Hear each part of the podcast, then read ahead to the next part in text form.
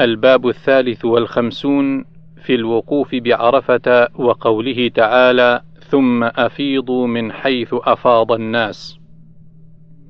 710 عن عائشة رضي الله عنها قالت: كانت قريش ومن دان دينها يقفون بالمزدلفة، وكانوا يسمون الحمسى، وكان سائر العرب يقفون بعرفة، فلما جاء الإسلام أمر الله عز وجل نبيه صلى الله عليه وسلم أن يأتي عرفات فيقف بها ثم يفيض منها فذلك قوله عز وجل ثم أفيضوا من حيث أفاض الناس سورة البقرة الآية 199 أخرجه البخاري 4520 711 عن جبير بن مطعم رضي الله عنه قال أضللت بعيرا لي فذهبت أطلبه يوم عرفة فرأيت رسول الله صلى الله عليه وسلم واقفا مع الناس بعرفة فقلت والله إن هذا لمن الحمس فما شأنه ها هنا؟ وكانت قريش تعد من الحمس. أخرجه البخاري 1664 الباب الرابع والخمسون في الإفاضة من عرفة والصلاة بالمزدلفة. 712 عن كريب أنه سأل أسامة بن زيد رضي الله عنهما كيف صنعتم حين ردفت رسول الله صلى الله عليه وسلم عشية عرفة؟ فقال جئنا الشعب الذي ينيخ الناس فيه للمغرب فأناخ رسول الله صلى الله عليه وسلم ناقته وبال وما قال أهراق الماء. ثم دعا بالوضوء فتوضأ وضوءا ليس بالبالغ. فقلت يا رسول الله الصلاة؟ فقال الصلاة أمامك. فركب حتى جئنا المزدلفة فأقام المغرب ثم أناخ الناس في منازلهم ولم يحلوا حتى أقام العشاء الآخرة فصلى ثم حلوا. قلت فكيف فعلتم حين أصبحتم؟ قال ردفه الفضل بن عباس وانطلقت أنا في سباق قريش على رجلي. أخرجه البخاري 139 الباب الخامس والخمسون صفة السير في الدفع من عرفة. 713 عن عروة قال سئل أسامة وأنا شاهد أو قال سألت أسامة بن زيد رضي الله عنهما. وكان رسول الله صلى الله عليه وسلم أردفه من عرفات كيف كان يسير رسول الله صلى الله عليه وسلم حين أفاض من عرفة. قال كان يسير العنق فإذا وجد فجوة نص. أخرجه البخاري 1666 الباب السادس والخمسون في صلاة المغرب والعشاء بالمزدلفة. 714 عن ابن عمر رضي الله عنهما قال جمع رسول الله صلى الله عليه وسلم بين المغرب والعشاء بجمع ليس بينهما سجدة وصلى المغرب ثلاث ركعات وصلى العشاء ركعتين. فكان عبد الله يصلي بجمع كذلك حتى لحق بالله. أخرجه البخاري 1673 الباب السابع والخمسون صلاة المغرب والعشاء بالمزدلفة بإقامة واحدة. 715 عن سعيد بن جبير قال أفضنا مع ابن عمر حتى أتينا جمعا فصلى بنا المغرب والعشاء بإقامة واحدة ثم انصرف فقال هكذا صلى بنا رسول الله صلى الله عليه وسلم في هذا المكان. الباب الثامن والخمسون التغليس بصلاة الصبح بالمزدلفة. 716 عن عبد الله بن مسعود رضي الله عنه قال ما رأيت رسول الله صلى الله عليه وسلم صلى صلاة إلا لميقاتها إلا صلاتين صلاة المغرب والعشاء بجمع وصلى الفجر يومئذ قبل ميقاتها. أخرجه البخاري 1682 الباب التاسع والخمسون الإفاضة من جمع بليل للمرأة الثقيلة. 717 عن عائشة رضي الله عنها أنها قالت استأذنت سودة رسول الله صلى الله عليه وسلم ليلة المزدلفة تدفع قبله وقبل حطمة الناس وكانت امرأة ثبطة يقول القاسم والثبطة الثقيلة. قالت فأذن لها فخرجت قبل دفعه وحبسنا حتى أصبحنا فدفعنا بدفعه ولأن أكون استأذنت رسول الله صلى الله عليه وسلم كما استأذنته سودة فأكون أدفع بإذنه. أحب إلي من مفروح به. أخرجه البخاري 1680 الباب الستون تقديم الظعن من مزدلفة. 718 عن عبد الله مولى أسماء قال قالت لي أسماء رضي الله عنها وهي عند دار المزدلفة هل غاب القمر؟ قلت لا. فصلت ساعة ثم قالت يا بني هل غاب القمر؟ قلت نعم. قالت ارحل بي. فارتحلنا حتى رمت الجمرة ثم صلت في منزلها فقلت لها أيهنتاه لقد غلسنا. قالت كلا أي بني إن النبي صلى الله عليه وسلم أذن للضعن. أخرجه البخاري 1679 الباب الحادي والستون تقديم الضعفة من مزدلفة. 719 عن ابن عباس رضي الله عنهما قال بعثني رسول الله صلى الله عليه وسلم في الثقل أو قال في الضعفة من جمع بليل. أخرجه البخاري 1856 720 عن سالم بن عبد الله أن عبد الله بن عمر رضي الله عنهما كان يقدم ضعفة أهله فيقفون عند المشعر الحرام بالمزدلفة بالليل فيذكرون الله ما بدا لهم ثم يدفعون قبل أن يقف الإمام وقبل أن يدفع. فمنهم من يقدم منا لصلاة الفجر ومنهم من يقدم بعد ذلك. فإذا قدموا رموا الجمرة. وكان ابن عمر يقول أرخص في أولئك رسول الله صلى الله عليه وسلم. أخرجه البخاري 1676 الباب الثاني والستون تلبية الحاج حتى يرمي جمرة العقبة. 721 عن ابن عباس رضي الله عنهما أن النبي صلى الله عليه وسلم أردف الفضل رضي الله عنه من جمع قال فأخبرني ابن عباس أن الفضل أخبره أن النبي صلى الله عليه وسلم لم يزل يلبي حتى رمى جمرة العقبة. أخرجه البخاري 1669 722 عن عبد الرحمن بن يزيد أن عبد الله لبى حين أفاض من جمع فقيل أعرابي هذا؟ فقال عبد الله أنسي الناس أم ضلوا؟ سمعت, سمعت الذي أنزلت عليه سورة البقرة يقول في هذا المكان لبيك اللهم لبيك. الباب الثالث والستون رمي جمرة العقبة من بطن الوادي والتكبير مع كل حصاد. 723 عن الأعمش قال سمعت الحجاج بن يوسف يقول وهو يخطب على المنبر ألفوا القرآن كما ألفه جبريل السورة التي يذكر فيها البقرة والسورة التي يذكر فيها النساء والسورة التي يذكر فيها آل عمران. قال فلقيت إبراهيم فأخبرته بقوله فسبه وقال حدثني عبد الرحمن بن يزيد أنه كان مع عبد الله بن مسعود رضي الله عنه فأتى جمرة العقبة فاستبطن الوادي فاستعرضها فرماها من بطن الوادي بسبع حصيات يكبر مع كل حصاة. قال فقلت يا أبا عبد الرحمن إن الناس يرمونها من فوقها. فقال هذا والذي لا إله غيره مقام الذي أنزلت عليه سورة البقرة. أخرجه البخاري 1750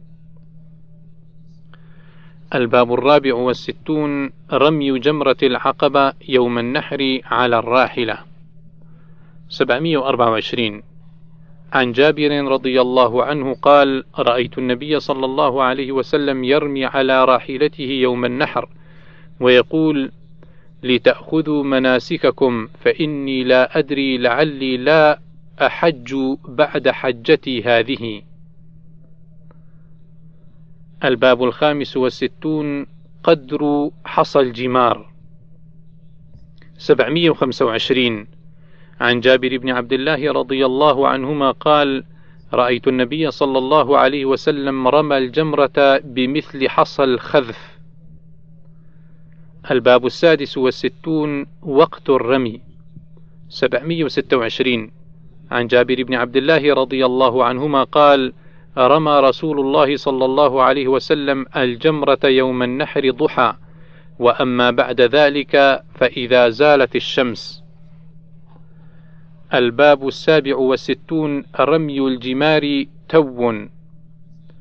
727 عن جابر رضي الله عنه قال قال رسول الله صلى الله عليه وسلم الاستجمار تو ورمي الجمار تو. والسعي بين الصفا والمروة تو والطواف تو وإذا استجمر أحدكم فليستجمر بتو. الباب الثامن والستون حلق النبي صلى الله عليه وسلم في حجه 728 عن ابن عمر رضي الله عنهما أن رسول الله صلى الله عليه وسلم حلق رأسه في حجة الوداع. أخرجه البخاري 1726 الباب التاسع والستون في الحلاق والتقصير. 729 عن أبي هريرة رضي الله عنه قال قال رسول الله صلى الله عليه وسلم اللهم اغفر للمحلقين. قالوا يا رسول الله وللمقصرين. قال اللهم اغفر للمحلقين. قالوا يا رسول الله وللمقصرين. قال اللهم اغفر للمحلقين. قالوا يا رسول الله وللمقصرين. قال وللمقصرين. أخرجه البخاري 1728 الباب السبعون الرمي ثم النحر ثم الحلق والبداية بالحلق بالجانب الأيمن. 730 عن أنس بن مالك رضي الله عنه أن رسول الله صلى الله عليه وسلم رمى جمرة العقبة ثم انصرف إلى البدن فنحرها والحجام جالس وقال بيده عن رأسه فحلق شقه الأيمن فقسمه في من يليه ثم قال احلق الشق الآخر فقال أين أبو طلحة؟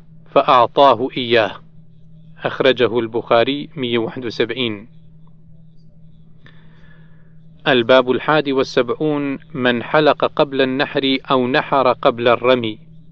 731 عن عبد الله بن عمرو بن العاص رضي الله عنهما قال وقف رسول الله صلى الله عليه وسلم على راحلته فطفق ناس يسألونه فيقول القائل منهم يا رسول الله إني لم أكن أشعر أن الرمي قبل النحر فنحرت قبل الرمي. فقال رسول الله صلى الله عليه وسلم فرمي ولا حرج. قال وطفق آخر يقول إني لم أشعر أن النحر قبل الحلق فحلقت قبل أن أنحر. فيقول انحر ولا حرج. قال فما سمعته يسأل يومئذ عن أمر مما ينسى المرء أو يجهل من تقديم بعض الأمور قبل بعض وأشباهها إلا قال رسول الله صلى الله عليه وسلم افعلوا ذلك ولا حرج.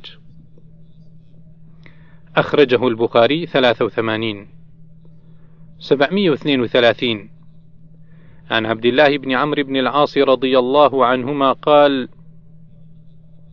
سمعت رسول الله صلى الله عليه وسلم وأتاه رجل يوم النحر وهو واقف عند الجمرة فقال يا رسول الله إني حلقت قبل أن أرمي. قال إرمي ولا حرج.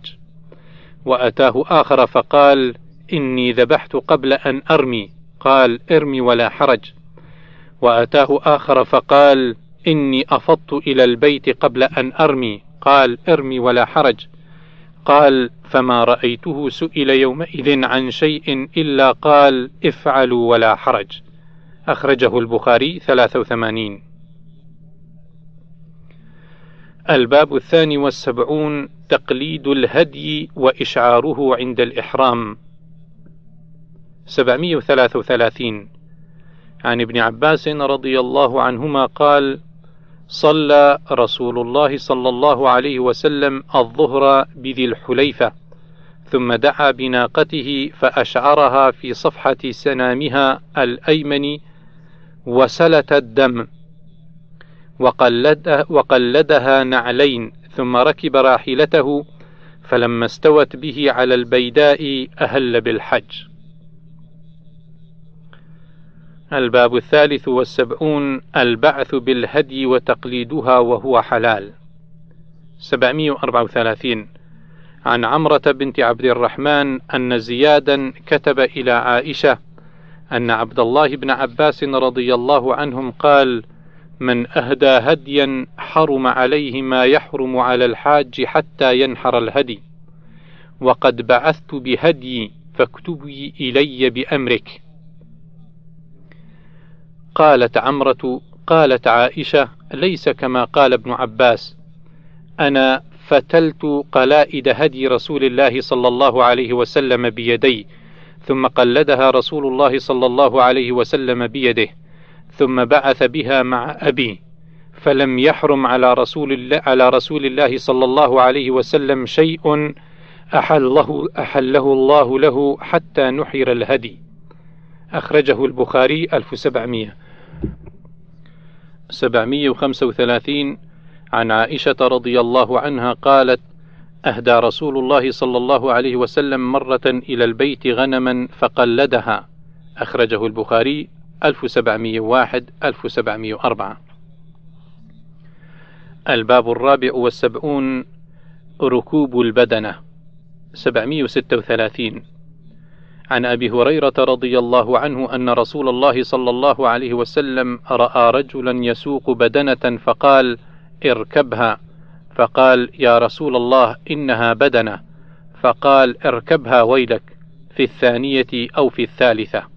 أخرجه البخاري 1689 737 عن أبي الزبير قال سمعت جابر بن عبد الله رضي الله عنهما سئل عن ركوب الهدي فقال سمعت رسول الله صلى الله عليه وسلم يقول اركبها بالمعروف إذا ألجئت إليها حتى تجد ظهرا. الباب الخامس والسبعون ما عطب من الهدي قبل محله.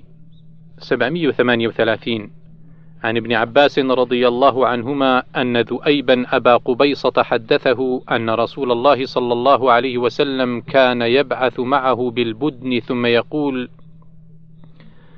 إن عطب منها شيء فخشيت عليها موتا فانحرها ثم اغمس نعلها في دمها ثم اضرب بها صفحتها ولا تطعمها أنت ولا أحد من أهل رفقتك.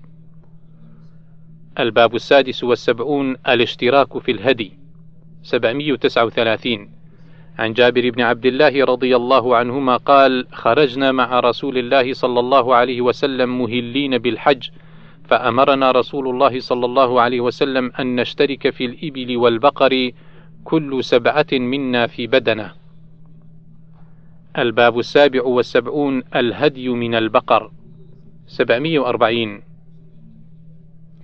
عن جابر بن عبد الله رضي الله عنهما قال ذبح رسول الله صلى الله عليه وسلم عن عائشة بقرة يوم النحر.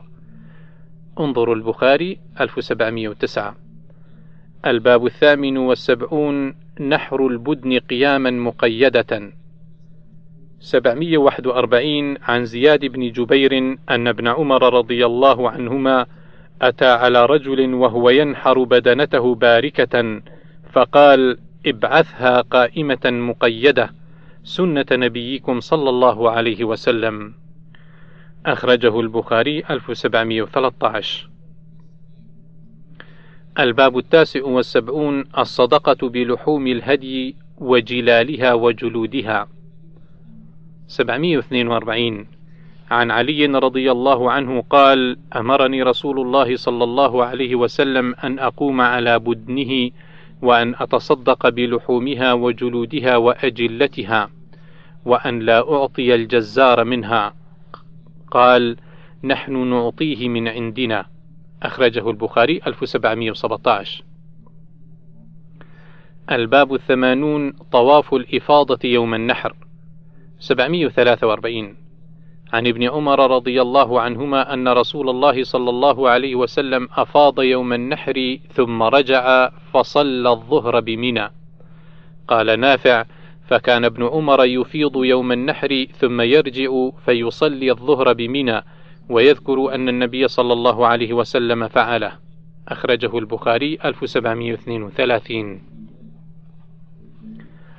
الباب الحادي والثمانون من طاف بالبيت فقد حل 744 عن ابن جريج أخبرني عطاء قال كان ابن عباس رضي الله عنهم يقول لا يطوف بالبيت حاج ولا غير حاج إلا حل قلت لعطاء من أين يقول ذلك؟ قال من قول الله تعالى ثم محلها إلى البيت العتيق سورة الحج الآية 33 قال قلت فإن ذلك بعد المعرف. فقال كان ابن عباس رضي الله عنهما يقول هو بعد المعرف وقبله وكان يأخذ ذلك من أمر النبي صلى الله عليه وسلم حين أمرهم أن يحلوا في حجة الوداع. أخرجه البخاري 4396 الباب الثاني والثمانون يكفي القارن طواف واحد للحج والعمرة. 745 عن عائشة رضي الله عنها أنها حاضت بسرف وتطهرت بعرفة فقال لها رسول الله صلى الله عليه وسلم يجزئ عنك طوافك بالصفا والمروة عن حجك وعمرتك أخرجه البخاري 1788 الباب الثالث والثمانون متى يحل من أحرم بحج وعمرة 746 عن عائشة رضي الله عنها أنها قالت: خرجنا مع رسول الله صلى الله عليه وسلم عام حجة الوداع فمنا من أهل بعمرة ومنا من أهل بحج وعمرة ومنا من أهل بحج وأهل رسول الله صلى الله عليه وسلم بالحج فأما من أهل بعمرة فحل وأما من أهل بحج أو جمع الحج والعمرة فلم يحلوا حتى كان يوم النحر. أخرجه البخاري 1562 الباب الرابع والثمانون نزول المحصب يوم النفر والصلاة به. 747 عن ابن عمر رضي الله عنهما أن النبي صلى الله عليه وسلم وأبا بكر رضي الله عنهما كانوا ينزلون الأبطح. 748 عن عائشة رضي الله عنها قالت: نزول الأبطح ليس بسنة، إنما نزله رسول الله صلى الله عليه وسلم لأنه كان أسمح لخروجه إذا خرج. أخرجه البخاري 1765 749 عن أبي هريرة رضي الله عنه قال: قال لنا رسول الله صلى الله عليه وسلم ونحن بمنى نحن نازلون غدا بخيف بني كنانة حيث تقاسموا على الكفر. وذلك أن قريشا وبني كنانة تحالفت على بني هاشم وبني المطلب أن لا يناكحوهم ولا يبايعوهم حتى يسلموا إليهم رسول الله صلى الله عليه وسلم. يعني بذلك المحصب. أخرجه البخاري 1590 الباب الخامس والثمانون في البيتوتة ليالي منى بمكة لأهل السقاية. 750 عن ابن عمر رضي الله عنهما أن العباس بن عبد المطلب رضي الله عنه استأذن رسول الله صلى الله عليه وسلم أن يبيت بمكة ليالي منى من أجل سقايته فأذن له. أخرجه البخاري 1634 751 عن بكر بن عبد الله المزني قال كنت جالسا مع ابن عباس رضي الله عنهما عند الكعبة فأتاه أعرابي فقال: ما لي أرى بني عمكم يسقون العسل واللبن وأنتم تسقون النبيذ أمن حاجة بكم أم من بخل؟ فقال ابن عباس الحمد لله ما بنا حاجة ولا بخل. قدم النبي صلى الله عليه وسلم على راحلته وخلفه أسامة فاستسقى فأتيناه بإناء من نبيذ فشرب وسقى فضله أسامة وقال: أحسنتم وأجملتم كذا فاصنعوا. فلا نريد تغيير ما أمر به رسول الله صلى الله عليه وسلم. الباب السادس والثمانون إقامة المهاجر بمكة بعد قضاء الحج والعمرة. 752 عن عبد الرحمن بن حميد قال سمعت عمر بن عبد العزيز يقول لجلسائه ما سمعتم في سكنى مكة؟ فقال السائب بن يزيد سمعت العلاء أو قال العلاء بن الحضرمي. قال قال رسول الله صلى الله عليه وسلم يقيم المهاجر بمكة بعد قضاء نسكه ثلاثا. أخرجه البخاري 3933 الباب السابع والثمانون لا ينفر أحد حتى يطوف بالبيت للوداع. 753 عن ابن عباس رضي الله عنهما قال كان الناس ينصرفون في كل وجه فقال رسول الله صلى الله عليه وسلم لا ينفرن أحد حتى يكون آخر عهده بالبيت الباب الثامن والثمانون المرأة تحيض قبل أن تودع. 754 عن عائشة رضي الله عنها قالت حاضت صفية بنت حيي رضي الله عنها بعدما أفاضت. قالت عائشة فذكرت حيضتها لرسول الله صلى الله عليه وسلم فقال رسول الله صلى الله عليه وسلم أحابستنا هي؟ قالت فقلت يا رسول الله إنها قد كانت أفاضت وطافت بالبيت ثم حاضت بعد الإفاضة. فقال رسول الله صلى الله عليه وسلم فلتنفر. أخرجه البخاري 1733 755 عن ابن عباس رضي الله عنهما قال أمر الناس أن يكون آخر عهدهم بالبيت إلا أنه خفف عن المرأة الحائض. أخرجه البخاري 1755 الباب التاسع والثمانون في إباحة العمرة في شهور الحج.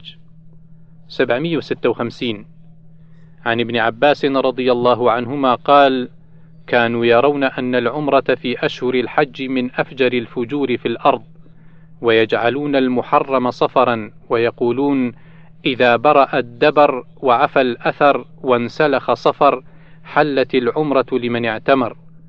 فقدم النبي صلى الله عليه وسلم وأصحابه صبيحة رابعة مهلين بالحج فأمرهم أن يجعلوها عمرة فتعاظم ذلك عندهم فقالوا يا رسول الله أي الحل؟ قال الحل كله. أخرجه البخاري 1564